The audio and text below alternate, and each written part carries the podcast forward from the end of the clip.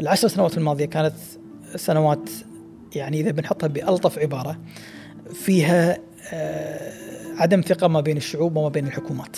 إذا طلعت من هذه الحرب بإسرائيل منتصرة راح تكون كارثية يعني العلاقة التطبيعية كارثية. أحداث 48 هل كان في مساهمة حقيقية سواء على مستوى الحكومات أو على أو على مستوى يعني الأسر حاكمة وعلى مستوى الشعوب الكويتيين جاهدوا. إحنا عندنا شهداء كويتيين في آه، حرب ال 48 لما تقول لي شنو مواقف الدول العربية من فلسطين؟ من الطبيعي والبدهي أنها تصطف مع فلسطين. بعدها حاولت أدخل غزة مع فريق كويتي وصلنا إلى معبر رفح وما دخلنا. يعني مجتمع كنت تعتقد أنك بتروح تغيثه فتلقاه هو اللي قاعد يغيثك.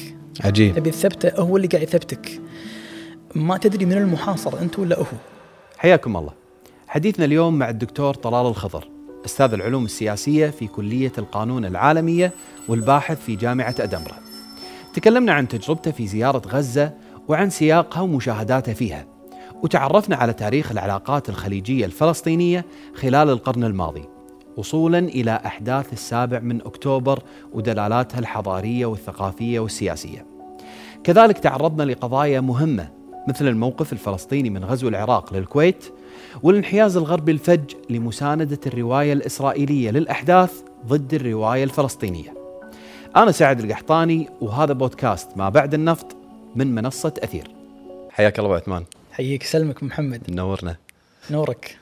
قبل فترة أنا شفتك منزل إنستغرام أنك كنت بالعريش أو شيء شيء أول شيء الحمد لله على السلامة. الله يسلمك.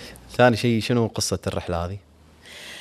آه طبعا من بداية العدوان على غزة آه والكويت أطلقت جسر جوي. آه هذه رحلة من رحلات كثيرة. يعني هذه كانت رحلة رقم 21 الآن الرحلات وصلت تجاوزت 30 رحلة. آه من بداية العدوان على غزة والكويت حكومة وبالتعاون مع الجمعيات الخيرية تعاونت على هذا الجسر الجوي.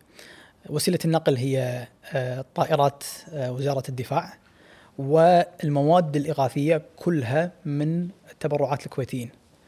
وكانت هذه رحلة قصيرة يعني. إيش كثر؟ ما تجاوزت ساعتين يعني. طبعا آه. غير غير الطريق اللي هو ساعتين ونص. آه. آه. وشنو كان الوضع هناك؟ يعني في مساعدات من دول أخرى؟ كان تحميل المساعدات إنزالها والرجوع بشكل سريع. أنت قاعد تتكلم عن رحلة بشبه يوميا. آه طبعا أنا ما بيدخل بالأعداد ولا الأرقام حتى بس ما م. نحافظ على صلاحية هذه الحلقة لأن الأرقام قاعد تتجدد. آه وصلنا 30 آه رحلة.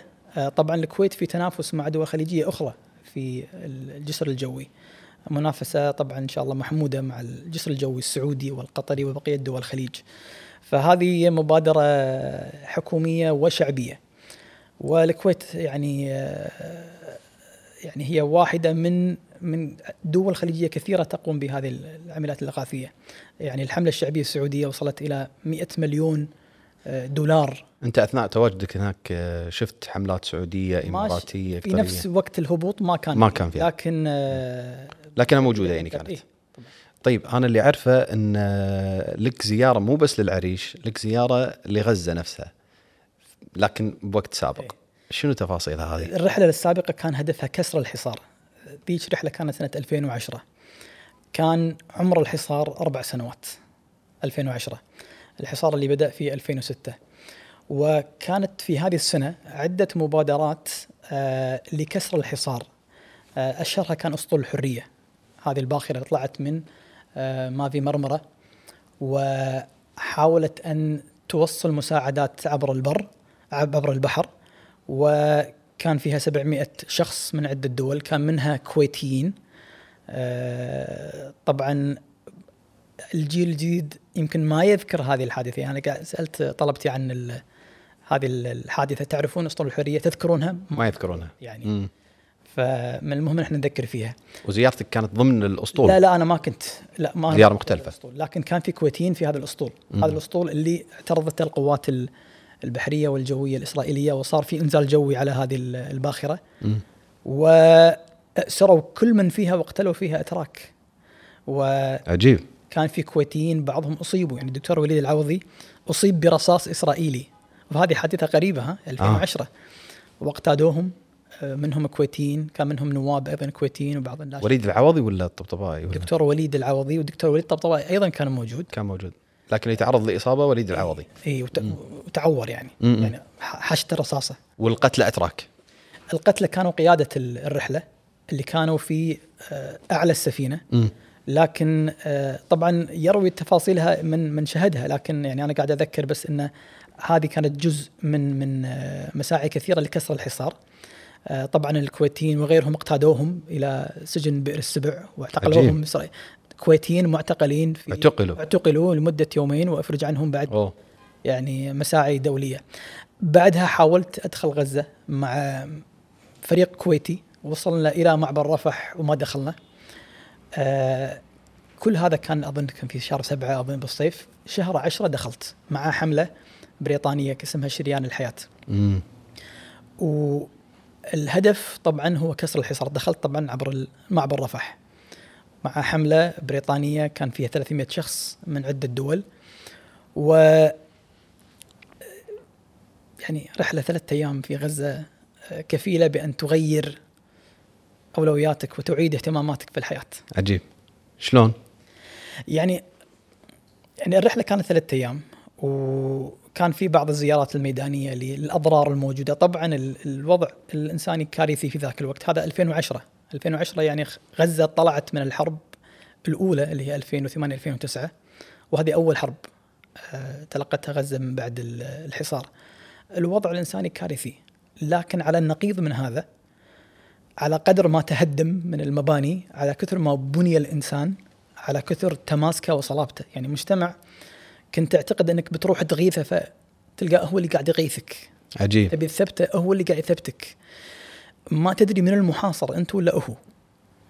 أنت المحاصر بهذا الكم من السلع والحاجات والكماليات اللي قاعد تدخل عليك من كل منفذ وتشتريها وأنت مجبور وكأنك يعني مقيد فيها. آه أنت أمام مجتمع قوي قوي. الله سبحانه وتعالى حرمه من هذه الأمور حتى يقويه. آه أعجز وأقول ان ان إن يعني الله سبحانه وتعالى اصطفى هذا المجتمع حتى يقوم بهذه المهمات الاستثنائية اللي قاعد يقوم فيها وحتى يقوم بهذه المهمة قاعد يحرر من كل شيء ممكن يقيده. آه، مجتمع يقبل على التضحية وما عنده شيء يخسره وتلقاه متحرر. يعني اللي نسمعه إنه في حالة شعورية يعني أغلب الناس اللي راحوا غزة يعني يصفون حالة معينة من الشعور ومن التفاعل الوجداني مع المنطقة هذه. يعني أسمع من كلامك إنه شيء يأكد إنه في حالة معينة تجدها أول ما تدش هذه المنطقة. هذا مجتمع أنت ما قاعد تشوف مثله بالعالم. يعني ما في مكان تزوره في العالم اليوم يعطيك مثل هذا الشعور بهذا المجتمع وصلابته النفسية. يعني آه، ابن عطاء السكندري يقول آه، ربما منعك فأعطاك. و ما تدري من المحروم أحيانا. يعني الله سبحانه وتعالى يقول ونبلوكم بالشر والخير فتنة. ما تدري شنو الأبلة اللي الله سبحانه وتعالى حرمه ولا اللي عطاه. وربما أنت تعيد الموازين بأن أنت أنت المحروم مو هو. آه، شعب يقبل على على الموت بدون أي خسائر ومستعد. يعني أنت لما تشوف مشاهد الصبر والثبات آه، الناس آه، تودع آه، شهدائها وهي رغم الفجيعة ورغم الألم ورغم الوجع ولا نقلل من هذا الألم. مم. يعني مهما قلنا في هذا الألم ما راح يوصف حجم الألم لكن تشوف التماسك وتشوف الترابط شيء عجيب. تمام؟ يعني شنو والد دحدوح يودع زوجته وثلاث أبناء؟ وثاني يوم واقف على ال- المايك وقاعد يصف لك المشهد بكل مهنية وكأنه ما فقد أحد بهدوءه واتزانه المعروف. مم. يعني شنو جمال الدرة؟ أبو محمد الدرة يودع اثنين من إخوانه ويقول لهم آه، مع السلامة. مع السلامة خلوا بالكم على نفسكم. عجيب. يعني يعني هذا مودع واحد مسافر. شنو واحد يقول حق آه، ولده اللي أخرجه من الأنقاض ويودعه ويقول له سلم لي على أخواتك. يعني هذا واحد قاعد يودع واحد في المطار. الناس متصالحة مع الموت الناس في هذا التماسك العجيب وهذا التماسك لا يمكن أن ينطلق إلا من إيمان بالغيب ومن نظرة بأن الحياة أو أن الموت هو بداية الرحلة وليست نهايتها مم. النظره يعني تعطي الحياة حجمها الطبيعي طيب أنا ودي نتكلم عن مسألة علاقات الخليج بالقضية الفلسطينية أو بفلسطين عموما. متى نشأت هذه العلاقة؟ لأن في ناس يعني تعتقد بأن هذه علاقة ممكن تكون طارئة أو حديثة جدا. لكن اللي يعرف أن مثلا إذا بنتكلم عن العصر الحديث العلاقة ممتدة إلى أكثر من قرن. فودنا نتكلم شوي عن هالموضوع.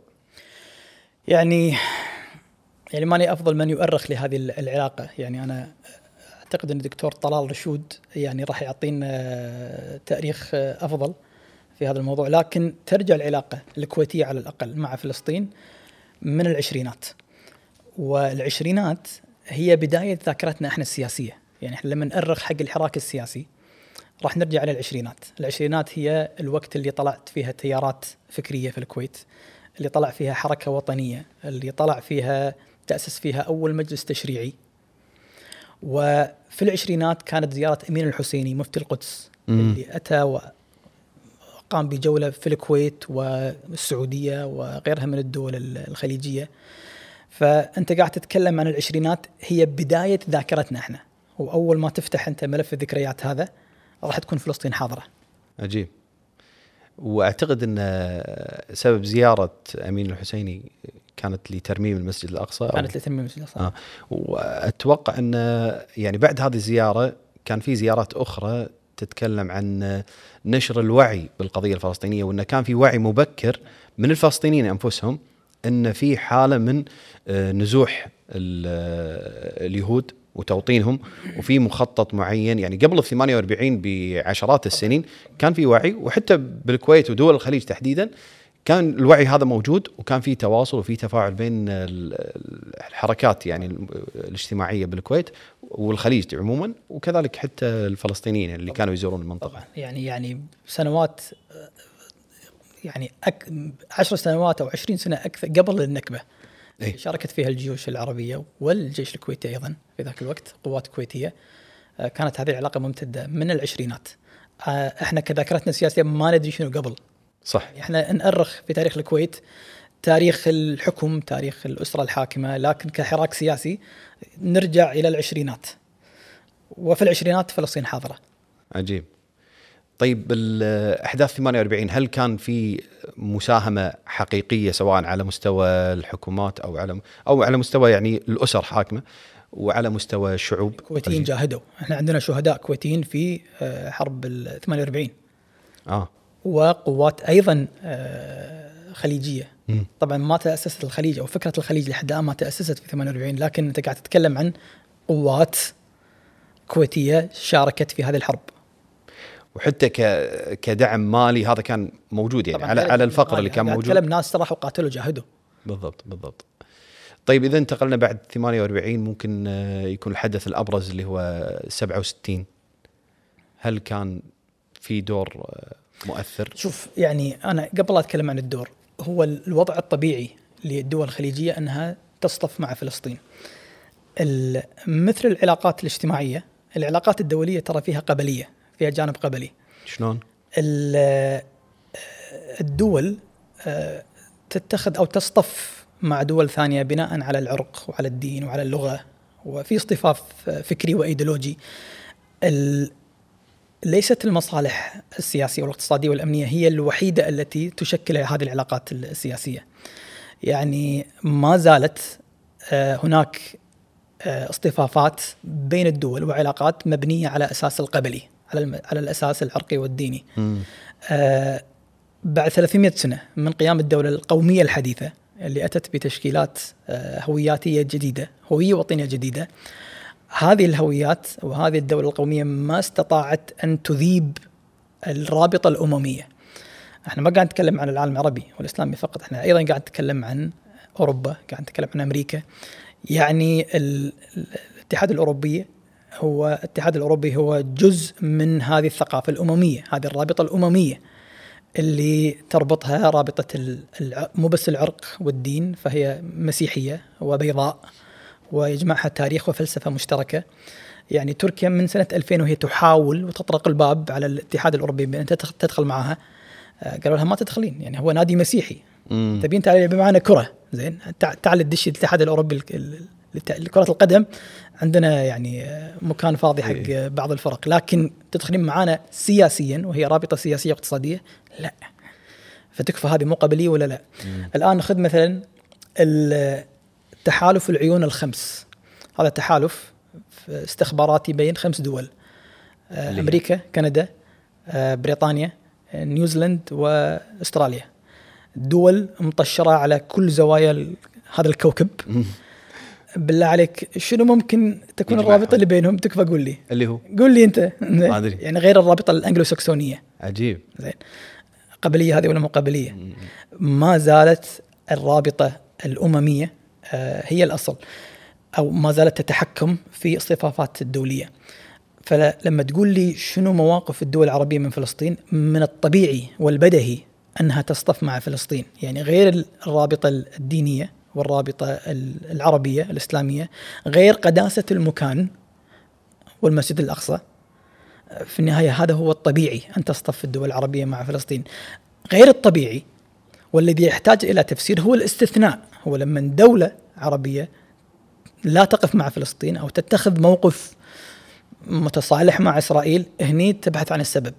لا تسألني شنو سبب آه اللي يجعل الدول العربية تقف مع فلسطين اسالني عن العكس.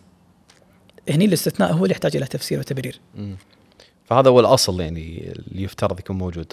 في سببين يخلي الدول العربية اليوم آه، متصالحة مع إسرائيل أو بعض الدول آه، طبعت. في سببين. آه، في سبب خاص بدول الطوق. آه، دول الطوق اللي هي الدول اللي حوالين فلسطين مصر الأردن وسوريا ولبنان وفي سبب آخر للدول العربية الأخرى. السبب الأول لدول الطوق هو سبب أمني من إسرائيل. هذه الدول طبعت خوفا من إسرائيل. الدول الثانية طبعت خوفا. طبعا. ها؟ الدول الثانية؟ طبعت. خوفا من شعوبها. خوفا من شعوب خوفا من شعوبها. الموجة الأولى في التطبيع كانت بعد 67 أو كانت في السبعينات. هذه الدول حاربت إسرائيل في كذا حرب 48 أبرزها و76 ثلاث انتصرت انتصار جزئي في 73 67 و73 ثم 73 كان الانتصار الجزئي اللي نعم. استردت فيه مصر بعض الأراضي مم. والجولان آه، سوريا. ولكن هذه المعارك خرجت منها بخسارات كبيرة. يعني الأولى 48 نكبة والثانية نكسة. صح. وهي اللحظة التي أدركت هذه الدول بأنها غير قادرة على مواجهة إسرائيل. هذه المعارك كشفت الفارق وحجم الفارق العسكري لإسرائيل التي تدعمها أقوى دولة في العالم. فالتطبيع كان بدافع أمني خارجي. تمام. هي أدركت أن هذا أنا ما أقدر على إسرائيل. بس 73 كان في انتصار. كان في انتصار جزئي. اي وكان واضح إن مصر تريد هذا الانتصار حتى تمهد للتطبيع التطبيع. فيما بعد يعني. بأقل الخسائر يعني. بأقل الخسائر. تسترد سيناء على الأقل ثم تكون هناك مفاوضة على على السلام. أنا ممكن يعني لو بفكر بمنطق هذه الدول سواء هذه الدولة أو هذه الدول فكرت بمنطقها ال- ال- الوطني أو حكومات فكرت بمصالح النخبة الحاكمة أنا ممكن أتفهم هذا الموقف. يعني هذا موقف واحد خايف من من إسرائيل ومو قادر عليها. يعني حسني مبارك عنده تسريب مقطع ربما هو مسرب كان عنده لقاء مع مجموعة من الصحفيين. واحد من الصحفيين اساله آه ليش ما تقوم الدول العربية بمواجهة إسرائيل؟ آه. فضحك قال تبيني أواجه آه إسرائيل وأمريكا؟ أقوى دولة في العالم؟ عجيب. يا عمي الدول العربية هي اللي محتاجة أمريكا خليها على الله. زين. إيه. أنت أمام ناس مو قادرين على إسرائيل امنيا عسكريا في تفوق عسكري هائل أنا ما أقدر عليه والإيد اللي ما تقدر تغلبها صافي. صافحة. زين. هذه كانت أول موجة من موجات التطبيع.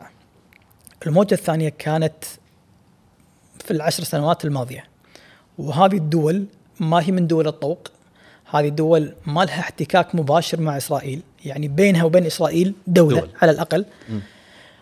وأنشأت علاقات مع إسرائيل ليس بدافع الخوف من إسرائيل لكن بدافع الخوف من شعوبها. العشر سنوات الماضية كانت سنوات يعني إذا بنحطها بألطف عبارة فيها آه، عدم ثقة ما بين الشعوب وما بين الحكومات انت طالع من ربيع عربي هذا الربيع العربي اللي أطاح بحكومات وفي حكومات ما وصلها الربيع العربي لكنها خايفة من أن يصل لها هذا الربيع وهذه الحراك واحتاجت إلى أن آه، تقوي وضعها الأمني الداخلي. ولقت نفسها في حالة في وضع أن إسرائيل مدت لها يد الخبرة الأمنية اللي تمتلكها وأقنعتها بأنها قادرة على مساعدتها في مواجهة أي حراك داخلي ممكن اياه بما عندها من تقنيات أمنية وعندها برامج وخبرتها الأمنية. هذا السبب الأول، السبب الثاني هو هذا الخوف من من الشعوب. هذا هو التبرير، هذا هو التفسير، طبعا أنا ما قاعد أبرر أنا قاعد أفسر. فالتفسير الأول اللي هو أن دول الطوق أو التبرير اللي كان آه، حاضر يعني بهذه الحالة مو متوفر في آه، في الدول البعيدة هذه. دول الطوق طبعت خوفا من إسرائيل، خوف خارجي. م. الدول الأخرى خوف داخلي خوف داخلي آه. وإسرائيل إلى يوم 6 أكتوبر يوم قبل 7 أكتوبر استطاعت أن تقنع دول الطوق بأنها جيش لا يقهر بأنها امنيا وعسكريا أقوى منها فما تتجرأ عليها وأقنعت دول أخرى عربية منها دول بعيدة جدا عن إسرائيل بأنها قادرة على تأمينها داخليا. طيب إحنا راح نرجع حق هذه النقطة ونشوف شنو الانقلاب اللي حصل في معا... هذه المعادلة بعد 7 أكتوبر. لكن آه، على عجالة ودي نمر على 73 إذا عندنا كلمة فيها على أساس آه، ننتقل اللي بعدها. في عندك تعليق على 73 شنو صار؟ شنو بالضبط؟ الحرب الحرب ومن موقف أو من زاوية الخليج يعني تحديدا. ما عندي تعليق. حلو إحنا عندنا عندنا مثلا الحظر النفطي آه، آه، هل كان يعني سلاح مؤثر حقيقي ولا كان مجرد آه، يعني آه، سلاح خطابي يعني؟ شوف يعني أدوات الضغط يعني طبعا المقاطعة النفطية هي تدخل في إطار أدوات الضغط والعقوبات. أنا أقاطعك بما عندي من بضائع اقتصادية حتى أضغط عليك أو إني أعاقبك. وبغض النظر عن مدى فاعلية المقاطعة النفطية في 73 آه، هي عطت هيبة للدول الخليجية. هناك تصورات ربما خاطئة عن أدوات الضغط والمقاطعة. أولا أنها تحسم خلاف أو تحسم قضية أو تحسم العدو. هي ليست كذلك. هي أداة من من حزمة أدوات ممكن واحد يستعملها للضغط آه ولرفع تكلفة موقف آه الدولة المقابلة. الأمر الثاني أن التهديد ببعض أدوات الضغط أحيانا يكون أكثر فاعلية من تنفيذه. آه، الدول اللي عندها آه، قوة نووية ما تستعملها لكن قوة امتلاكها هي قوة رادعة. فمسألة أن أنا عندي آه، أدوات وممكن أني أستعملها وهي موجودة على الطاولة و... وأنا ممكن أن إذا صعد الأمر أني أنا أطبقها هذا أمر جيد. لكن أني أنا أخفيه تماما وكأن ما عندي. أنت لازم أنت تحسب حساب آه إن اللي أمامك راح يضغط عليك. ولازم إن أنت ما تخليه تعطيه الفرصة بأنه كل ما يقوم بتصرف يشوفك عندك ردة فعل ولا ما عندك. ما يفترض إن الدول يعني ما يفترض إن إسرائيل تقوم بهذه الجرائم اللي تقوم فيها اليوم. آه وهي تنظر إليك. يعني هي مع كل قنبلة قاعد تقصف فيها غزة. قاعد تشوفك هل في reaction ولا ما في reaction إن أنت ما تصعد وإن أنت ما قاعد تلوح هذا مشكلة تمام؟ مم. يعني حتى الدول اللي الآن لها علاقة مع إسرائيل وتنوي استمرار التطبيع ما بعد الحرب مو من صالحها أن إسرائيل تخرج من هذه الحرب منتصرة. شلون؟ يعني حتى لو لو انتصرت مم. وهذا الانتصار قامت فيه وانت ساكت طول هذه الفترة اللي طافت وما قمت بأي أداة أي إجراء غير الإجراء الخطابي راح تتعالى عليك. يعني تشوف حجم الغطرسه اللي راح تجيك فيه إسرائيل ما بعد الحرب. أنت ما تبي تكون شريك ما تبي تطبع ما تبي تكون علاقة مع واحد بيشوفك بمثل هذه الصورة. يعني إسرائيل مع كل هذه الغطرسة ومع كل هذه النظرة العنصرية بالنسبة هذه النظرة العنصرية اللي سمعناها في تصريحات الإسرائيليين اللي تشبه الفلسطينيين الحيوانات والهمج. هذه النظرة ترى ما تفرق ما بين فلسطيني وعربي ثاني. ما تفرق ما بين حاكم وشعوب. ما تفرق بين الشعوب والحكومات. فكلكم سواسيا بهذه النظرة. أنت ما تبي تطبع مع دولة تنظر إليك بهذه الغطرسة. إذا طلعت من هذه الحرب بإسرائيل منتصرة راح تكون كارثية يعني العلاقة التطبيعية كارثية. على الأقل تبي تطبع راح يكون هذه العلاقة على الأقل متكافئة. مو من صالحك أن تقوم به بالسكوت. طبعا هناك كلفة لأدوات الضغط ويجب أن تتحملها لكن أيضا هناك كلفة لعدم فعل أي شيء. حتى التلويح. حتى التلويح. يعني أنت الآن ربما تحسب بعض أدوات الضغط اللي عندك إيه؟ وتقول لو عملت كذا راح هو يعاقبني. وأنا أصلا أقل من إني أنا أقوم بمعاقبة أمريكا وإسرائيل بمثل هذه الأمور. فما راح أسوي شيء. خوفا من تبعات هذا الأمر. هناك تبعات أكبر إذا أنت ما فعلت شيء. وبعدين مسألة المقاطعة النفطية يعني إلى اليوم في ناس تطبق يعني روسيا قاطعت الغاز قطعت الغاز عن أوروبا. صح. وارتفعت فاتورة الغاز في أوروبا أنا كنت موجود هناك إلى 300 ضعف مم. ثلاث أضعاف تمام؟ 300% إسرائيل بالمناسبه في أول حرب قطعت الغاز عن عن عن مصر. مصر صح. أنت متخيل إن إن في سنة 23 وما زالت المقاطعة النفطية؟ أنا ما قاعد أقترح أدوات ضغط على الدول العربية والدول النفطية لكن من المهم إن هذه الدول تعرف ما لديها من أدوات. ما أبي أدش أنا في مسألة وهل ما زال فاعل يعني هذا الشيء؟ ما أدري. ما أدري. لكن ورقة ضغط موجود لكن لكن بالطبع إن آه، روسيا عاقبت أوروبا في مقاطعتها للغاز وارتفعت عليها. ومو سهل ترى إيجاد بدائل يعني مو بهذه السهولة. إن يعني الآن توجهت طبعا الدول الأوروبية توجهت إلى قطر وقطر رفضت هذه العقود القصيرة. عقود الغاز ولا شو؟ عقود غاز قصيرة يعني بعد ما اتجهت بعد ما قطعت روسيا الغاز. اي اتجهت إلى قطر اتجهت إلى كثير من الدول. حلو. طبعا لا لا الجزائر قادرة إنها آه، توفر بديل. آه، قطر ما ما تقبل بعقود قصيرة. آه، وقعت الآن طبعا مع مع ألمانيا عقد طويل الأمد يعني فوق ال 15 سنة. مسألة إنه والله أنا لما أقطع عنك النفط من السهول إني أجد مصدر آخر هذا مو بهذه غير صحيح. أنا مرة ثانية مو قاعد أقترح لكن أنا قاعد أبين إن هذا نموذج ناجح. طبعا المقاطعة ليست خالية من ال من التكلفه في تكلفة وهي طبعا lose-lose situation أنا بخسر. هي لعبة عض الأصابع وما تلجأ لها إلا أنت في في حالة صعبة جدا. لكن أحيانا فعالية فعاليتها تكون في مدى القصير. إن أنا أقطع عنك وأقاطعك لفترة قصيرة قبل لا تجد بديل أنا أرجع لك. ففي المرة الجاية أنت تحسب حسابي. وما أكون أنا طوفة هبيطة. صح. يعني أروح أقصف وأطالعك وأنت كأنك ما سويت ولا شيء. أحسب حسابي على الأقل حتى لو أنا عندي علاقات معاك يا أخي. مو معقوله إن أنا أكون كذي ساكت. أنا راح أنتهي من هذه الحرب من غزة وراح أحييك. وراح أكون وحش. وراح أكون في قمة الغطرسة. وأنت ما تبي شريك واحد تكون معه علاقات يشوفك بهذه النظرة. غير نظرتي العنصرية أصلا اللي يعني واصلة إحنا دام 73 في نقطة ودي أشير لها اللي هي إن كان في مشاركة ميدانية في المعارك يعني آه، على مستوى الكويت آه، على الأقل يعني لأن هذا المثال اللي حاضر بذهني إن في 42 شهيد في هذه المعركة. وهذا هذه المعركة يعني تزامن معاها المرسوم المشهور اللي إن الكويت آه، في حالة حرب مع العصابات الصهيونية اللي ما زال المرسوم يعني ساري حتى هاللحظة هذه آه، حتى بتأكيد آه، وزير الداخلية نعم. فلأن البعض يقول يعني إن هذا المرسوم يعني كأنه صوري أو لا هو يعني يا في سياق معين نعم. سياق حرب حقيقية نعم. شهداء كويتيين 42 طبعا. ومعركة يعني جرت على الميدان وكان وكان ترى الجيش الكويتي أول قوة عسكرية نزلت آه، الأراضي المصرية لمواجهة العدو الصهيوني آه، فور الإعداد للحرب يعني.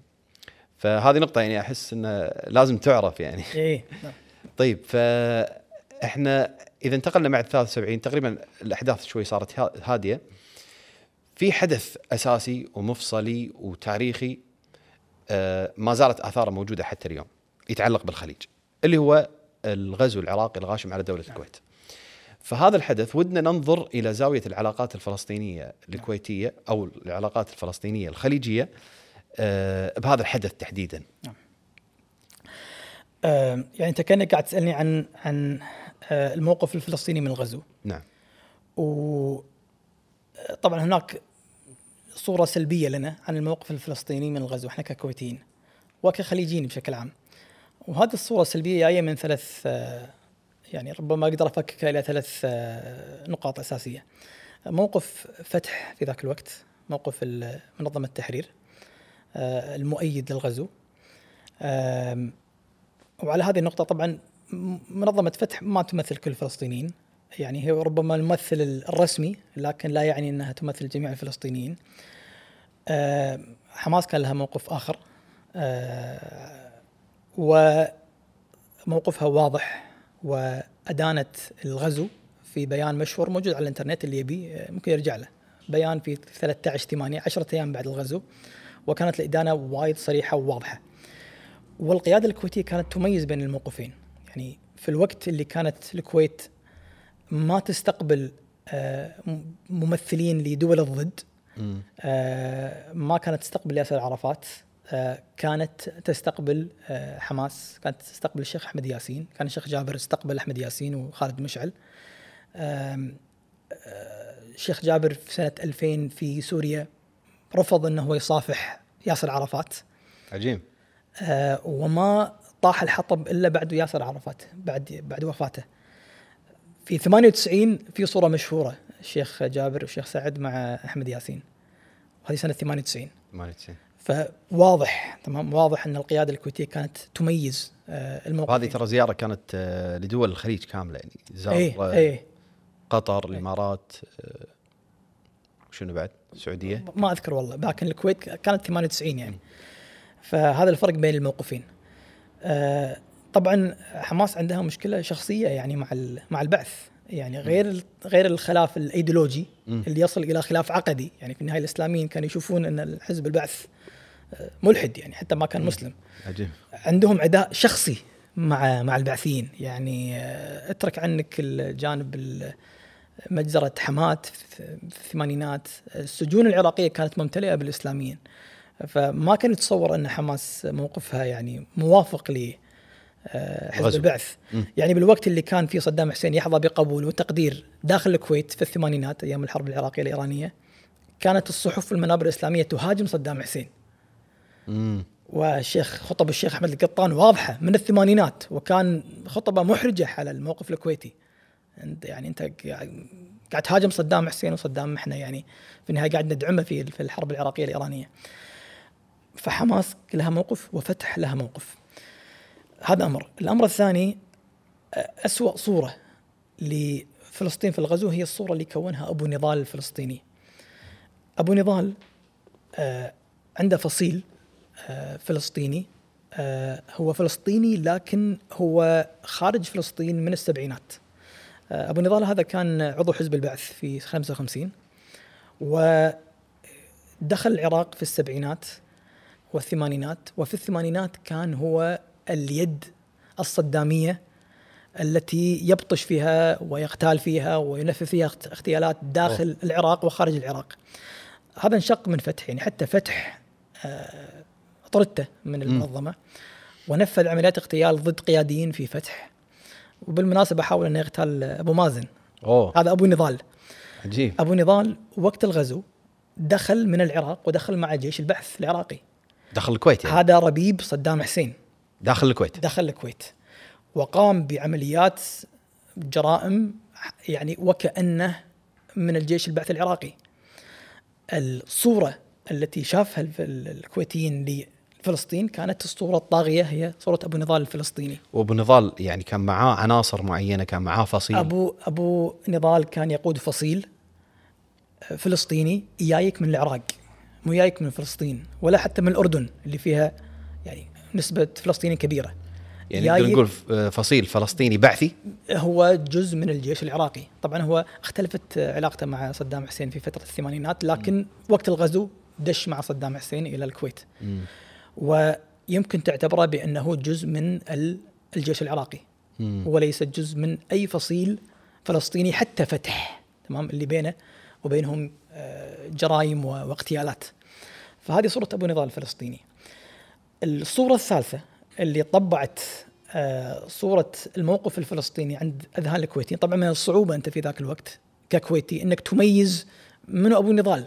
أكيد. يعني منو أبو نضال؟ في النهاية فلسطيني. تمام؟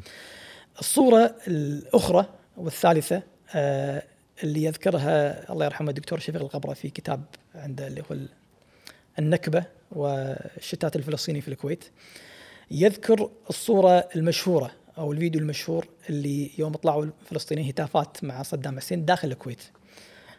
ويعطي سياق لهذه الصورة. طبعا الفيديو موجود على التويتر وعلى اليوتيوب. هتافات ضد. هتافات. شنو موضوع هذه الصورة؟ طبعا غير اللكنة العراقية الواضحة بال آه. في في الفيديو. الفلسطيني في الكويت آه، اللي بعضهم مواليد الكويت ويتكلم كويتي أفضل مني ومنك. واللي عددهم كبير جدا. يعني أنا ما رحت عاصمة أوروبية إلا لقيت فلسطيني مواليد مواليد الكويت ويتكلم كويتي يلبس دشاشة الكويتية ويحتفظ بجزء كبير من الذكريات الكويتية. هم وصلوا أعتقد مئات الألوف. عدد كبير. 500 عدد كبير. ما ما عندي الرقم لكن عدد كبير. و لقوا نفسهم في موقف جدا صعب أيام الغزو. آه، جراء موقف فتح المؤيد للغزو. ولجرائم أبو نضال اللي عمت عليهم كفلسطينيين. بعضهم أراد أن يخرج أيام أيام الغزو. طبعا وايد منهم خرجوا بعد الغزو لكن حاولوا إنهم يطلعون. طبعا غير الوضع الغزو نفسه اللي أجبرهم على الخروج واحتاجوا إلى وثائق سفر حتى يطلعون. واستغلوا العراقيين هذا المشهد وهذه الحاجة ويمعوهم أمام السفارة الفلسطينية وفاوضوهم وقايضوهم على ساوموهم على أنهم يخرجون في مقابل ترديد هتافات. آه. فكانت هذه الهتافات هذه الهتافات في حولي حتى قريب من مجمع إيه الرحاب إيه فهذا هو سياق هذه الصورة وهذا المشهد. وهذا المشهد بالطبع كان مزعج بالنسبة حق أي كويتي.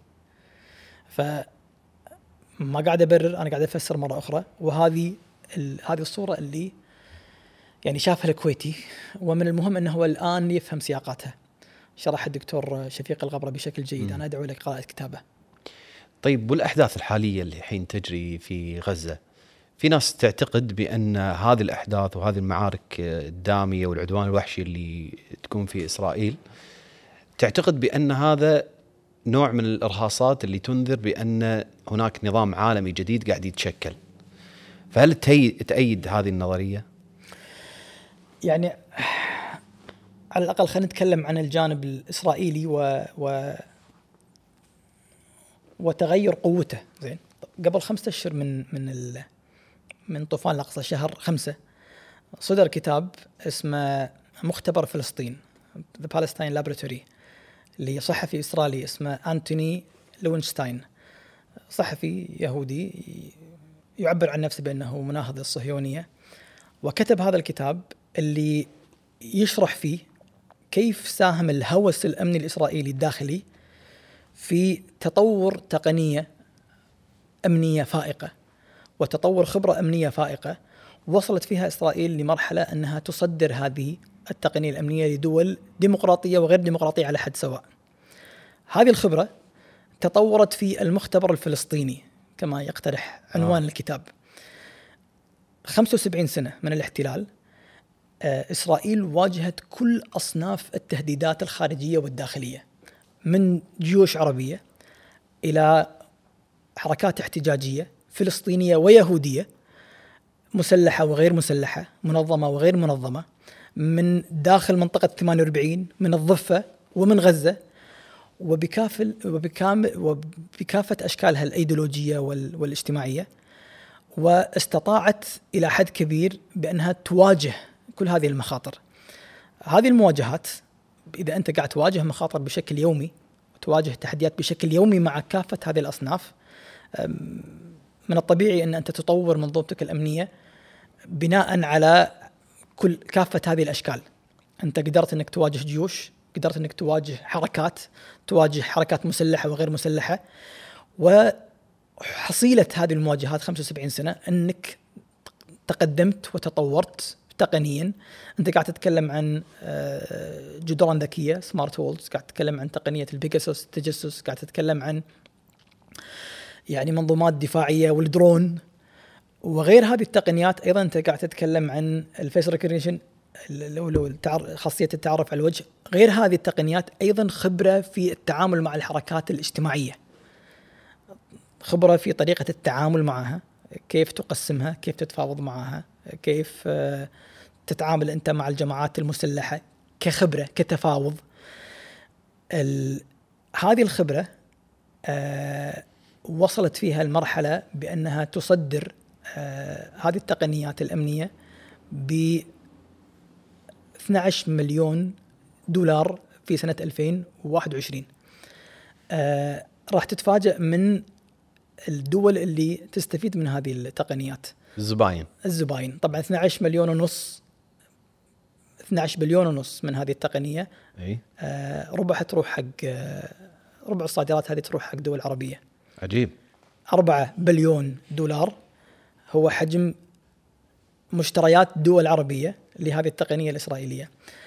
لكنك راح تتفاجئ من الدول الأكثر أيضا اللي مستفيدين منها. الهند. الهند هي أكثر دولة صدرت آه، أو وردت هذه التقنية الأمنية.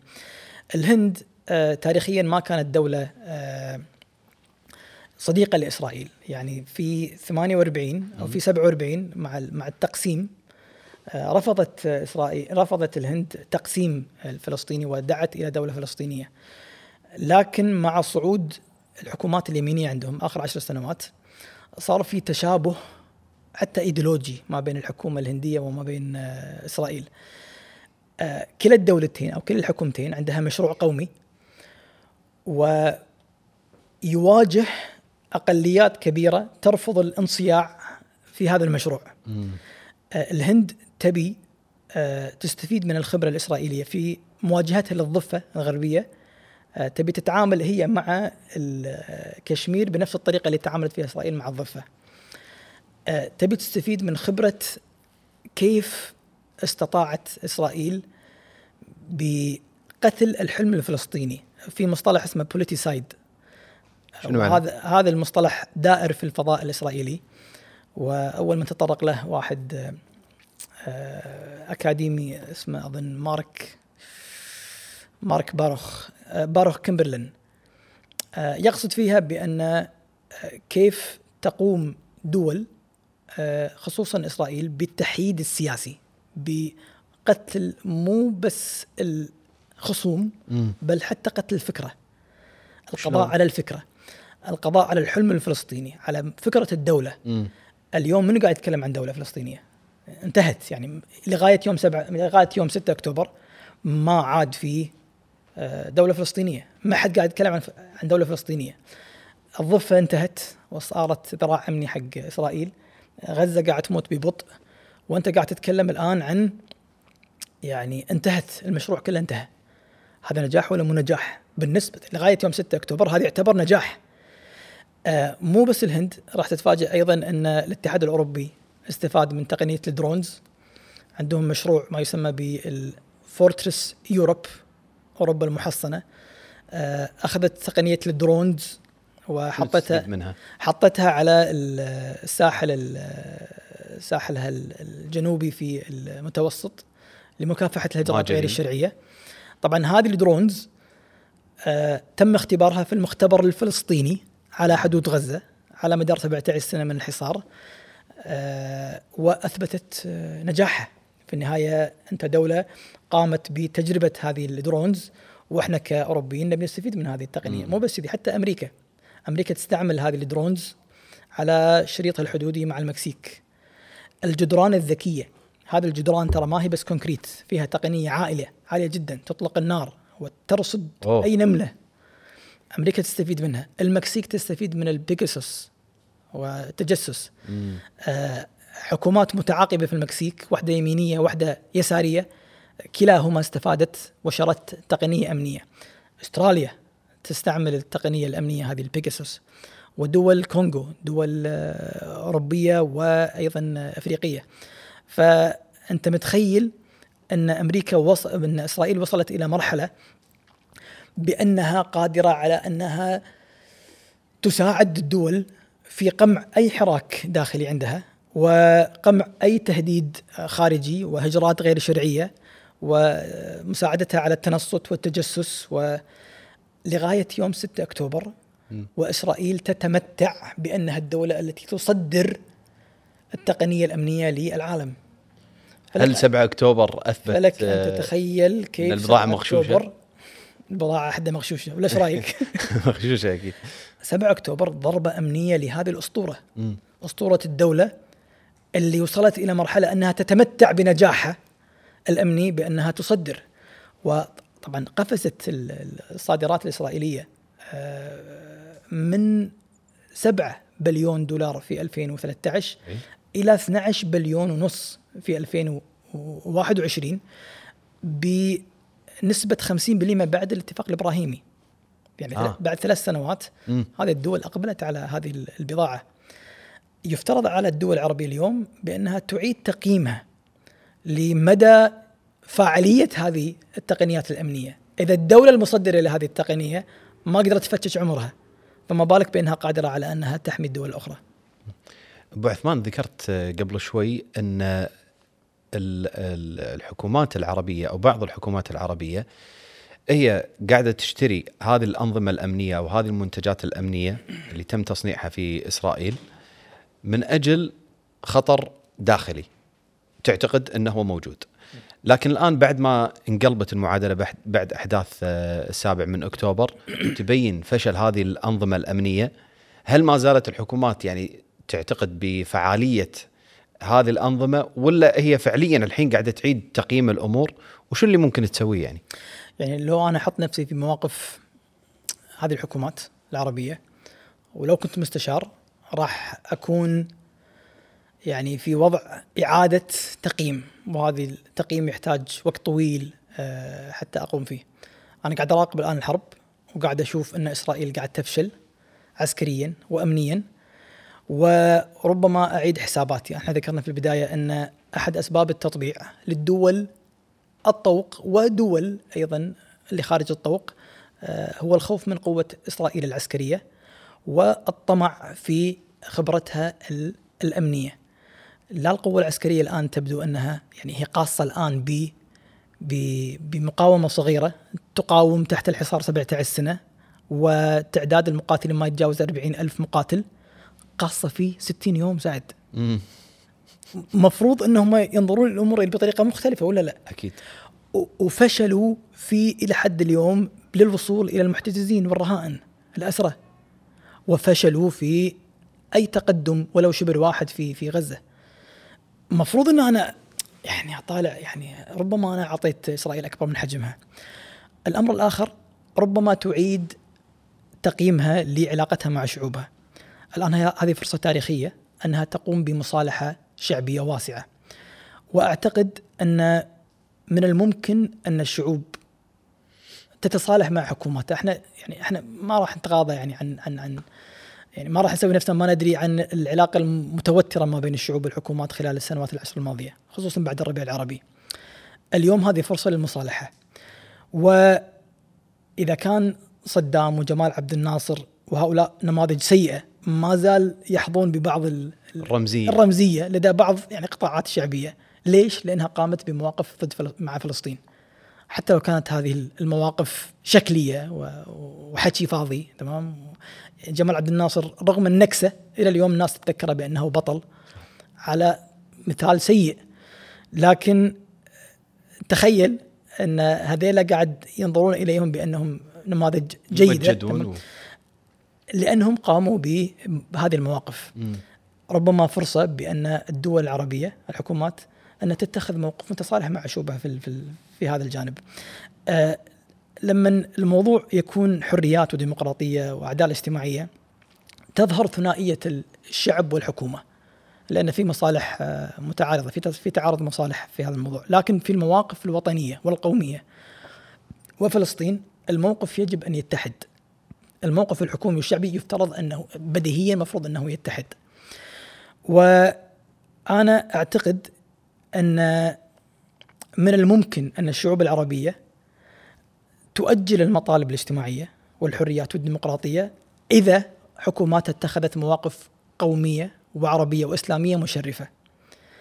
من الممكن أن يؤجل إلى أجل مسمى أو غير مسمى ويصير في مصالحة ويثبت شرعية الحكومات إذا قامت الحكومات العربية باتخاذ موقف عربي واحد قوي ضد إسرائيل ومع القضية الفلسطينية. هذه فرصة. طيب يعني هل نقدر نقول أن أحداث السابع من أكتوبر أوقفت قطار التطبيع؟ يفترض أنها تفعل وطبعا هو في break طاقين الآن بعض الدول وهذا شيء جيد لكن يفترض أنه يستمر وأعتقد أن الشعوب العربية break هذا لإعادة التقييم ولا ما ندري لحد الآن. لغاية ما تهدى الأوضاع؟ ما, ما ندري ما ندري. لكن طبعا أيضا الحرب إلى الآن ما انتهت. يعني إلى لحظة تصوير هذا البودكاست إلى الآن معطيات الحرب غير واضحة. لكن آه، أعتقد إنها فرصة بأن الحكومات تكسب شعوبها. وأنا أبي أقول شغلة إن العربي آه، ربما يخرج على حكوماته بسبب مواقف خارجية أكثر من خروجه لمطالب عدالة اجتماعية وحريات. شلون؟ آه ثقافة الحرية والديمقراطية ليست في قواميس الثقافة السياسية العربية. يعني إحنا ممكن نجادل بأن الإسلام جاء بما يوافق الديمقراطية والحريات وأن شيء من تطبيق الحرية والشورى كان موجود في العصر النبوي في الخلافة الراشدة. لكن انتهى كل هذا ما بعد الخلافة الراشدة بعد ما دخلنا إلى الملك العضوض واللي صار في عام الجماعة يوم الحسن تنازل إلى تنازل إلى معاوية أنه ضحى بالشرعية السياسية اللي هي نظام الحكم وطريقة الانتخاب وطريقة البيعة والشورى والرضا وال ضحى بهذا وهو أحق وهو صاحب الشرعية ضحى من أجل مبدأ آخر وهو مبدأ الوحدة السياسية. ومنذ ذلك اللحظة نشأ عقد اجتماعي جديد ما بين الأمة العربية وبين حكوماتها أو ما بين حكامها. يقتضي بأن الحكم يقوم بتطبيق الشريعة أولا وهو المرجعية الأخلاقية النابعة من الأمة. ما يفرضها فالحاكم يأتي ويطبق شريعة وقانون هو موجود. يأتي حاكم ثاني يطبق نفس القانون. والأمر الثاني هو حماية الحدود وحفظ بيضة الإسلام وبيضة الأمة الإسلامية. وعشنا إحنا 1400 سنة بالضبط لأن الخلافة الراشدة 40 سنة. عشنا في هذا العقد الاجتماعي أن شرعية الحاكم هو أن يغزو وأن يجاهد في سبيل الله وأن يطبق الشريعة. وهذا كافي لمدة 14 قرن لشرعية الحاكم. الديمقراطية والشورى والحريات والطالب الديمقراطيه هذه ما جت إلا متأخرة. لما سقطت الدولة العثمانية وصارت الحكومات هذه لا شريعة لا لا حماية الحدود لا مواقف خارجية تشرف تحفظ كرامة العربي. كرامة العربي لما يشوف الحكومات تاخذ مواقف قوية لصالح أمته ولصالح آه، العرب والمسلمين. في فرصة اليوم بأنها تعط... أن يكون هذا العقد الاجتماعي ويرجع. آه أنا أيضا بقول لك شغلة يعني أنا خليني أحاجج آه بأهمية القضايا قضية فلسطين على الحريات والديمقراطيات. لو ترجع في على الأقل مصر وتشاهد الحراكات السياسية والمظاهرات أو الثورات اللي قام بها الشعب المصري خلال 200 سنة الماضية راح تلقاها أنها على ملفات خارجية. ارجع إلى ثورة عرابي 1880 سبب هذا القيام وسبب هذه الثورة كان السيطرة والسطوة البريطانية الفرنسية والتركية على الجيش المصري. ضباط يشوفون فوق يشوفون فوقهم ضباط بريطانيين وضباط أتراك وضباط فرنسيين وإدارة أوروبية. فكانت هذه الثورة ثورة عرابي ما كانت حرية ولا ديمقراطية ولا ولا مطالب عدالة اجتماعية هذا العربي مو متعود انه هو يكون في تحكم خارجي عليه فلذلك كانت هذه الثورة ثورة 19 19 1919 اللي شارك فيها سعد زغلول مم. شنو كان سببها؟ شنو؟ طبعا كان جزء منها مطالب ديمقراطية وإصلاحات لكن سببها الاستعمار البريطاني آه يعني سعد زغلول والحراك اللي صار فيه بداية ال- العشرينات وقبل العشرينات كان بسبب الاستعمار. كان عندك حكومة بريطانية تتحكم في مصر. مم. مرة ثانية العربي غير متعود على هذه الهجمة وال- والهيمنة الخارجية. ما كان يقبلها. تعال ارجع إلى ثورة سلاش انقلاب الضباط الأحرار على حسب موقفك منها. آه. كان في حراك أيضا هو امتداد لاستمرار الحرب واستمرار الاستعمار البريطاني. و48 آه، كان فيها الهزيمة الجيوش العربية. هذه الهزيمة هي التي أخرجت الشعوب وأطاحت بالملكيات واحدة وراء الثانية. يعني بعض شيء من من الهجوم هذا جاء ووصل إلى أعتاب الخليج. ما كانت مطا... كانت مطالب استقلال مطالب كرامة العربي من أي هيمنة وسطوة خارجية. مو متعود. في النهاية ما كان هو مو يعني هو هو مو متعود على الحريات. ما عرف الحريات ما عنده مشكلة. لكنه مو متعود على مسألة هجوم خارجي. مم. وهيمنة خارجية. تعال ارجع إلى بعد النكسة. كان في حراك في سنة 68 على عبد الناصر واستمر إلى أول السبعينات. ضد عبد الناصر. ضد عبد الناصر في ليش؟ مصر. 67 النكسة. آه بعد النكسة. تمام؟ إيه. أنت عشمت فشل، آه، انت عشمت خارجي. بالنصر ما ما طلعوا طبعا في العهد الناصري كانت هذه المعادلة واضحة أن أنا أقوم بتجميلكم ورفع راسكم أمام الأمم وأن إحنا نكون دولة قوية ونواجه إسرائيل في مقابل حكم استبدادي. وهذا العقد الاجتماعي مشى يعني هو أقنع ليبراليين أقنع يساريين بهذه المعادلة. لكن. النتيجة ما تحصلت. ما تحصلت لكن على الأقل لغاية قبل 67 كان جمال عبد الناصر بطل. وكان هذا العقد الاجتماعي قائم وفاعل. بعد النكسة لا يا عمي انت يعني حتى عقدك الاجتماعي يعني لا حريات ولا حتى نصر خارجي. إيه يعني فشلتنا نكسة. فكان هذا الخروج عليه في سنة 68 كان في حركة طلابية كبيرة طلعت في 68 ياك نور السادات. في بداية الأمر كان الأمور جيدة. متى تدهورت الأمور؟ كام ديفيد. بعد كام ديفيد. تمام؟ صار في هذا الحراك المصري اللي أدى إلى أو وصل أو ت- تصعيد وصل إلى اغتياله في سنة 81 مم. أنا مو بس أنا جادل إن حتى الثورة المصرية في سنة 2011 إيه. ترجع إلى أسبابها. تلقاها تبدي من سنة 2000 يعني أي واحد متخصص في الحراك الاجتماعي والسياسي في مصر راح يقول لك إن هناك سلسلة من الاحتجاجات بدأت سنة 2000 سنة 90 في مصر أو التسعينات في مصر كانت كان كان عقد هادي. مم. ما كان في لا حراك حتى الثمانينات كان هادي تمام. سنة 90 كان الوضع كارثي على الصعيد السياسي. آه، كان في تزوير انتخابات. آه، سنة 90 قاطعت الحركات الأحزاب المصرية الانتخابات في نص التسعينات آه، قام ال- ال- النظام المصري بمصادرة ال- النقابات والجمعيات الطلابية. ما عاد في حراك سياسي. قصص جنحان كل التيارات والأحزاب. لا إسلاميين لا يساريين لا قوميين لا ناصريين. الكل كان في حالة ركود.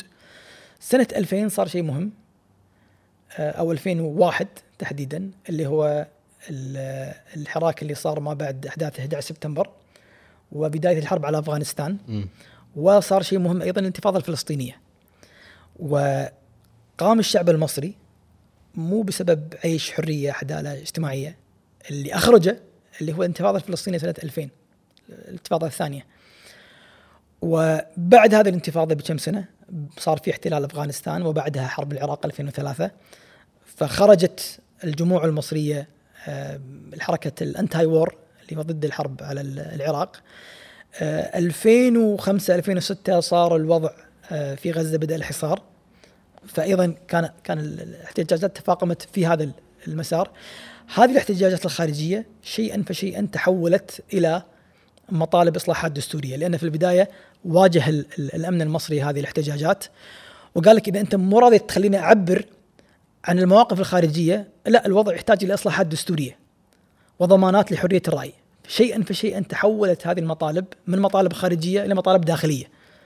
طلعت كفاية طلعت الحركة الدستورية المصرية الحركة الوطنية اللي اللي فيها اجتمع فيها عدد من التيارات السياسية وقاموا بمطالب إصلاح دستوري وسياسي وانتهت بعيش حرية عدالة اجتماعية. 2011 2011 لكن ترجع إلى جذورها كانت ملفات خارجية. مم. أنا أعتقد وأنا أجادل بأن القضايا كرامة العربي من الهيمنة الخارجية أولى بالنسبة له من مطالب الحرية والديمقراطية. طبعا أنا ما بقلل من هذا الموضوع. زين قد يكون هذه المحاججة مستفزة. اي شيء يعني إيه يعني هل آه، إحنا لكن- أمام ثنائية لا. واحدة متحققة فقط؟ أنا ما أبي أحط نفسي في هذه الثنائية. هو لكن- حاليا لكن جزء, جزء كبير من حرية التعبير اللي عندي أنا أبي أطلعها على الخارج. زين. أبي أطلعها على الملفات الخارجية. إذا لقيت حكومتي واقفة في طريقي في هذا الموضوع راح أوجه الموضوع إلى إصلاحات دستورية وضمانات داخلية. الحريه الديمق... اي لا ملفات داخلية. لكن 1400 سنة إحنا قاعد نقول أن كرامة العربي تحققت في أنه هو يشوف حكومته وإن كانت مو ديمقراطية تحكم بشريعة وقانون نابع من هذه الأمة فأنا كرامتي متحققة في هذا الموضوع وأنها تقوم بمواقف وطنية مشرفة وأنها تحمي الحدود ولا تقبل بمساس بسيادتها ولا تقبل بأي سطوة خارجية عليه. زين أنا كنت خاش لك سؤال صراحة. سؤال ملغوم شوية. Do you condemn حماس؟ الله يدين اللي دينهم. يعني 15 مرة. بيرس مورغان سأل هذا السؤال على ضيف واحد في نفس الحلقة. 15 مرة. يعني الهوس هوس ال- طيب هذه رمزية هذا السؤال اللي اللي صارت تعبر عن آه، التحيز الفج والكامل في الإعلام الغربي للرواية أو السردية الإسرائيلية. بالطبع يعني تكرار هذا السؤال يبين لك مدى ال ال يعني الهوس والانحدار اللي وصلت فيه ال- ال- آلة الإعلام الغربية في التعاطي مع حماس في التعاطي مع الحرب ال- على غزة يعني لما تسأل أنت جيريمي كوربن اللي هو رئيس سابق لحزب العمال 15 مرة في نفس المقابلة لا يبين أن أنت يعني مفلس وما عندك محاور طبعا مشكلة هذا السؤال غير إنه انتقائي يعني ما ينسأل حق ضيوف إسرائيليين أو مؤيدين لإسرائيل آه، مشكلته بأنه إنك تبدأ فيه الحوار وأن أنت من البداية آه، تأخذ موقف وتنتزع ربما إدانة إذا نجحت ثم يتحدد مسار المقابلة كلها عليه. يعني السؤال الثاني بعد ما تجاوب نعم راح يكون طيب كيف نتعامل إحنا مع مع المقاومة الفلسطينية؟ شلون تقترح ان نقصفهم؟ تمام؟ فأنت لازم تنحط في هذا الموقف. زين واستطاع إنه هو في مقابلته مع باسم يوسف مع كذا شخص آه، استطاع إنه ينتزع منهم إدانة. ديو كندم حماس نعم اذا كيف نقضي على حماس فيصير الموضوع ملزم أنت اي بال- في إيه فأنت في. النهايه طبعا غير إنك سلمت باحقيه وجود آه، إسرائيل وانها تدافع عن نفسها وليس كأنها يعني دولة محتلة. فانت انتهى الحوار. زين. المصيبة الثانية سعد أن الموضوع عليه عواقب قانونية. يعني أنت تعرف أن حماس مدانة من بريطانيا بأنها آه، كيان آه، إرهابي. إرهابي. فأنت لما تحطني في هذا الموقف أني أنا ما أدين آه. أنت قاعد أنت مؤيد لمنظمة إرهابية. إي. في النهاية أنا شلون تبيني أقول رأيي الحقيقي؟ إذا أنا قاعد أشوف أنها ليست إرهابية. وأطلع من استديوك يا بيرس مورغان من غير ما اتكلبش برا. يعني اللي قاعد يمارسه بيرس مورغان تشبيح إيه. إذا أنا يعني أنا ما افهم إذا هذا مو تشبيح أنا ما أفهم شنو التشبيح التشبيح ليست ظاهره عربيه ت- كما يبدو يعني أبو محمد إيه. وباسم الظهر حاول يجاوب نفس هالجواب لكن أصر على لأنه قال له أول شيء إن آه، هي منظمة إرهابية بحسب القانون الأمريكي أو بحسب آه، لوائح في الأخير قال يعني في لكن النهاية- بال- بالنهاية يعني اعترف ما يهم. يعني شنو قال لكن لكن يبين لك شنو وضاعة هذا السؤال مم. ال يعني أنت خايف إنك تقول رأيك الحقيقي وأنت عارف إن الموضوع عليه تبعات وأنا عارف إنه هو يعني في النهاية قانونيا ما أقدر يعني في النهاية ما راح أطلع من استديوك وأنا يعني حر إذا جاوبتك على هذا السؤال. إيه. هذا إرهاب فكري. يعني هذا خارج نطاق آه، ابسط قواعد الحوار زين والإعلام المهني. واضح. تسألني سؤال أنا أطلع فيه اتكلبش. هذا حتى في العالم العربي ما صار أبو محمد إيه. أبو عثمان الحين مع أحداث السابع من أكتوبر وما أعقبها من عدوان وحشي إسرائيلي تجاه آه، آه، قطاع غزة كان هناك اصطفاف وما زال اصطفاف غربي بقيادة الولايات المتحدة الأمريكية ودول أوروبا الغربية آه، على جميع الأصعدة سياسيا اعلاميا دبلوماسيا حتى اقتصاديا كان هناك اصطفاف. هذا هذا الاصطفاف أوجد عند الشعوب العربية حالة من هزة الوعي بأن هذه المعركة مو مجرد معركة آه، هامشية أو معركة مثل بقية المعارك السابقة، لا هي معركة ممكن تكون على مستوى آه، القيم، على مستوى الأفكار، ممكن نصفها بأنها حالة من حالات الصراع الحضاري. هناك حالة اصطدام بين معسكر آه، شرقي يمثل العالم الإسلامي والعالم العربي والمعسكر الغربي اللي بقيادة الولايات المتحدة وأوروبا الغربية. طبعا طبعا. في مثل هذه المواقف آه، تعود يعني نبرة صراع الحضارات آه، اللي تنبأ فيها صامويل هانتنغتون يعني هذه الحرب آه، على غزة استنزفت ما تبقى من رصيد القيم الغربية. استنزفت ما تبقى من رصيد الليبرالية لدى الوعي العربي. هذه الليبرالية وهذه المبادئ اللي سادت وتسيدت وهيمنت على العالم آه، من 30 سنة من بداية من مع سقوط الاتحاد السوفيتي. الاتحاد السوفيتي اللي كان عنده آه، نظرية وفكرة منافسة للليبرالية. لكن لما تسيدت آه، هذه الفكرة الليبرالية بعد انهيار الاتحاد السوفيتي وأصبحت هي نهاية التاريخ كما يقترح فوكياما. ما صار لها أي منافس لكن من 30 سنة و هذه الفكرة وهذه القيم قاعد يستنزف من رصيدها موقف بعد موقف يوم بعد يوم. نظريا آه، الليبرالية أتت ببعض المعاني الجميلة تتكلم عن حريات سياسية ديمقراطية حقوق إنسان لكن يوم مع يوم قاعد العالم الغربي قاعد يثبت بأن هذه الليبرالية وهذه القيم فيها ازدواجية فيها انتقائية ولا تعمل إلا في الجزء الشمالي من هذا الكوكب. وأنها قيم خاصة بالبيض والأوروبيين آه، لكن لما تدخل أنت على الشعوب العربية وأي شعب غير أوروبي آه، الموضوع ينتهي.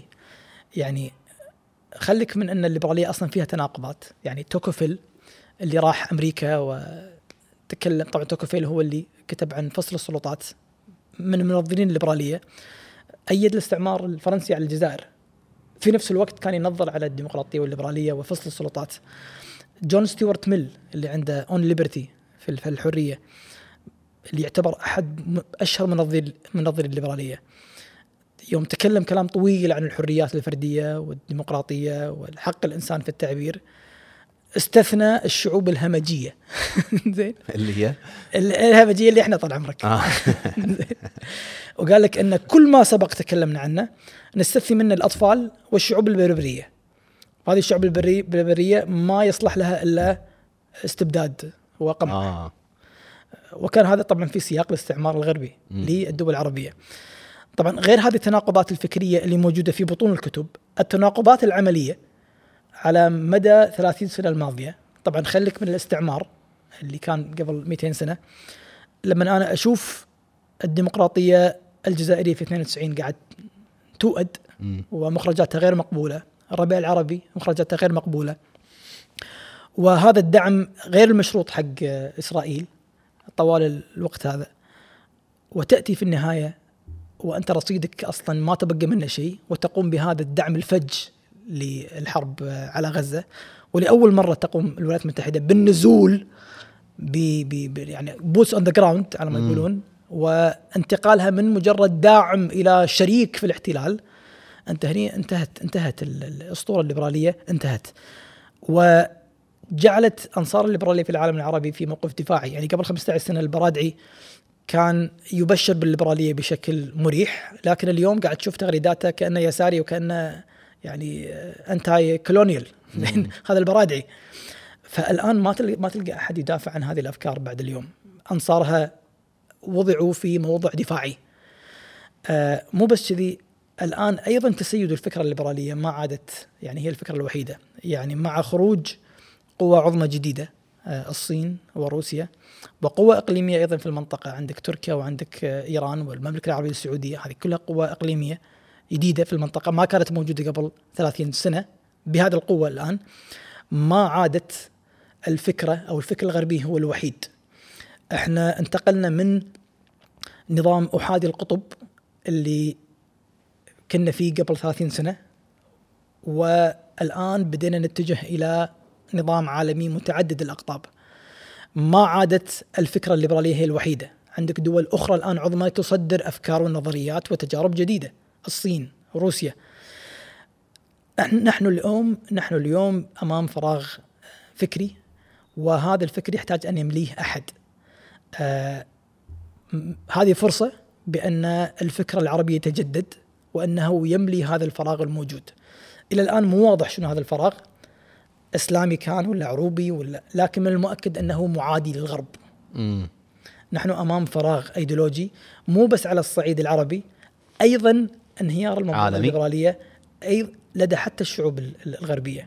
يعني اليوم الإقبال على القرآن والإقبال على دراسة الإسلام بعد هذه الحرب تبين لك مدى آه انحسار هذه الفكرة الليبرالي في في العالم الغربي. ما عاد مقنع حتى حق الغربيين نفسهم. هذا الإقبال ينبئك على أن هناك فراغ ايديولوجي في العالم. م. وهذه فرصة لخروج فكر جديد يسود. هذه أيضا فرصة للمسلمين بأنهم يقدمون حضارتهم وهل آه النموذج الصيني على المستوى الفكري قادر إنه يصدر؟ يعني أنا ما أشوف إنه في نوع من الجاذبية. ما يعني شوف الصين وغيرها آه ربما تصدر نماذج ولكن الشيء الأساسي بأن نحن أمام نماذج كثيرة اليوم. مش أمام نموذج واحد. كنا أمام نموذجين أيام الحرب الباردة. م. يا اشتراكي يا راسمالي يا ليبرالي يا يساري. اليوم نحن أمام نماذج كثيرة. أعتقد النموذج الروسي والنموذج الصيني. الصيني أيضا سقطوا مع سقوط الاتحاد السوفيتي قبل. عودتهم اليوم ما راح تكون ذات جاذبية. يعني الواحد لما يرجع للوراء ويشوف النموذج الاشتراكي وفشله فشل النماذج والتطبيقات تقضي على الفكرة حتى لو كانت الفكرة من الناحية النظرية جيدة. يعني ممكن واحد يشوف الليبرالية ويشوف إنه يا أخي والله جيدة فيها حقوق إنسان فيها حريات وفيها ديمقراطية وحق التعبير لكن التطبيق الفاشل لها يقضي على الفكرة. التطبيق الاشتراكي انتهى مع سقوط الاتحاد السوفيتي. ما في فكرة اليوم مهيمنة. يعني عطني عطني فكرة اليوم ممكن تكون إن هي جيدة. نحن اذا أمام فراغ أيديولوجي في العالم. من سيملأه؟ لا نعلم لكنها فرصة. حتى يعني بالعالم الغربي الحين اللي قاعد يطبق الليبرالية ازدواجية المعايير أصبحت حتى تطبق بالعالم الغربي نفسه. يعني مثلا حالة القمع اللي قاعد يقمعون فيها المواطنين المعارضين للسياسات الداعمه لإسرائيل هذه أيضا تنبئ عن حالة من الارتباك اللي حاصل. بالتأكيد. يعني هذا التأثير اللي إحنا عندنا تأثير سقوط وانهيار القيم والمنظومة الغربية يشاركها معانا كثير من اللي يعيشون في الغرب منهم الأوروبيين والبيض يعني آه أنت أمام آه انهيار هذه المنظومة في أعين العرب وأعين العالم وأعين من يصدرها. م. حالة الازدواجية واضحة واضحة بالنسبة لنا كعرب وواضحة أيضا للشعوب اللي أيضا هي متعاطفة معك. وأيضا إحنا نحتاج إن إحنا نميز ما بين الشعوب الغربية وما بين حكوماتها. شلون؟ يعني إحنا قاعد نشوف اليوم هذه الأصوات اللي في الغرب قاعد تدعم القضية الفلسطينية. م. ونجاح الرواية الفلسطينية على الإسرائيلية آه، في أول أسبوع من الحرب كانت نسبة المظاهرات المؤيدة لفلسطين 75% في مقابل 25% للمؤيدة لإسرائيل. بعد أسبوعين من الحرب صعدت نسبة الاحتجاجات لصالح فلسطين 95% في مقابل 5% لإسرائيل. إحنا اليوم صار لنا شهرين هذا بعد أسبوعين من الحرب الرواية الفلسطينية قاعد تنتصر زيف الشعارات الغربية قاعد يتضح يوم بعد يوم تداول الناس لرسالة بن لادن وإقبالها على القرآن ومحاولة التعرف على الرواية آه، الإسلامية والفلسطينية في الموضوع ينبئك بتحولات كبيرة في الشارع الغربي. وهل تلاحظ أن أغلب المتأثرين بهذه الخطابات أو حالة الفراغ الفكري هذه هم من جيل آه، الجيل زد مثلا والأجيال آه، الشباب الصغار أكثر من الكبار؟ يعني كبار وصغار لكن يبدو أن هذا الجيل الجديد آه، ما عنده أي ارتباط بالفكرة الليبرالية وفكر الغربي وبدأ يبحث عن يعني ما تلوث بالمصادر التقليدية الإعلامية واشتباكه مع العالم هو من خلال التيك توك ومواقع التواصل الاجتماعي ما تأثرت قناعاته بالإعلام الرسمي. ما عاش في ظل هيمنة الإعلام الرسمي. يعني هو ولد وتيك توك تطبيق تيك توك في في في حسابه وفي تليفونه. وحتى التيك توك ترى التفاعل آه، مع المحتوى الفلسطيني أضعاف مضاعفة من التفاعل مع المحتوى الإسرائيلي. وحتى لما خاطبوا التيك توك بحسب تصريحاتهم يعني أن الخوارزميات هي تدفع المحتوى اللي أكثر تفاعلا يعني هي مو قضية نوع من التحيز حق رواية دون رواية بغض النظر هذه الخوارزميات لا يمكنها أن تخفي الحقيقة اللي قاعد يشوفها كل الناس الآن، كل واحد عنده حساب في السوشيال ميديا. انتهت سطوة الإعلام الغربي والإعلام الإسرائيلي والرواية الصهيونية انتهت. نحن أمام واقع جديد وإعلام جديد وواقع مكشوف. والدور الذي يقوم يقومون فيه الإعلام الفلسطيني والصحفيين الغزاويين قوي جدا في تغيير النظرة الغربية للأحداث. اليوم حجم الإعلام وحجم الصورة وقوة التغطية هي كانت وراء هذا التغير. هذا التغير صار له فترة آه قاعد يتغير والرواية الفلسطينية قاعد تنتصر لكن في هذه الحرب ما قام به جهود الصحفيين من غزة باللغة العربية والإنجليزية فارق جدا في تغير هذه المعادلة. يعطيك العافية أبو عثمان. كان لقاء صراحة ممتع وشيق وثري جدا من المعلومات استفدت منك الكثير ويعطيك العافية الله يعافيك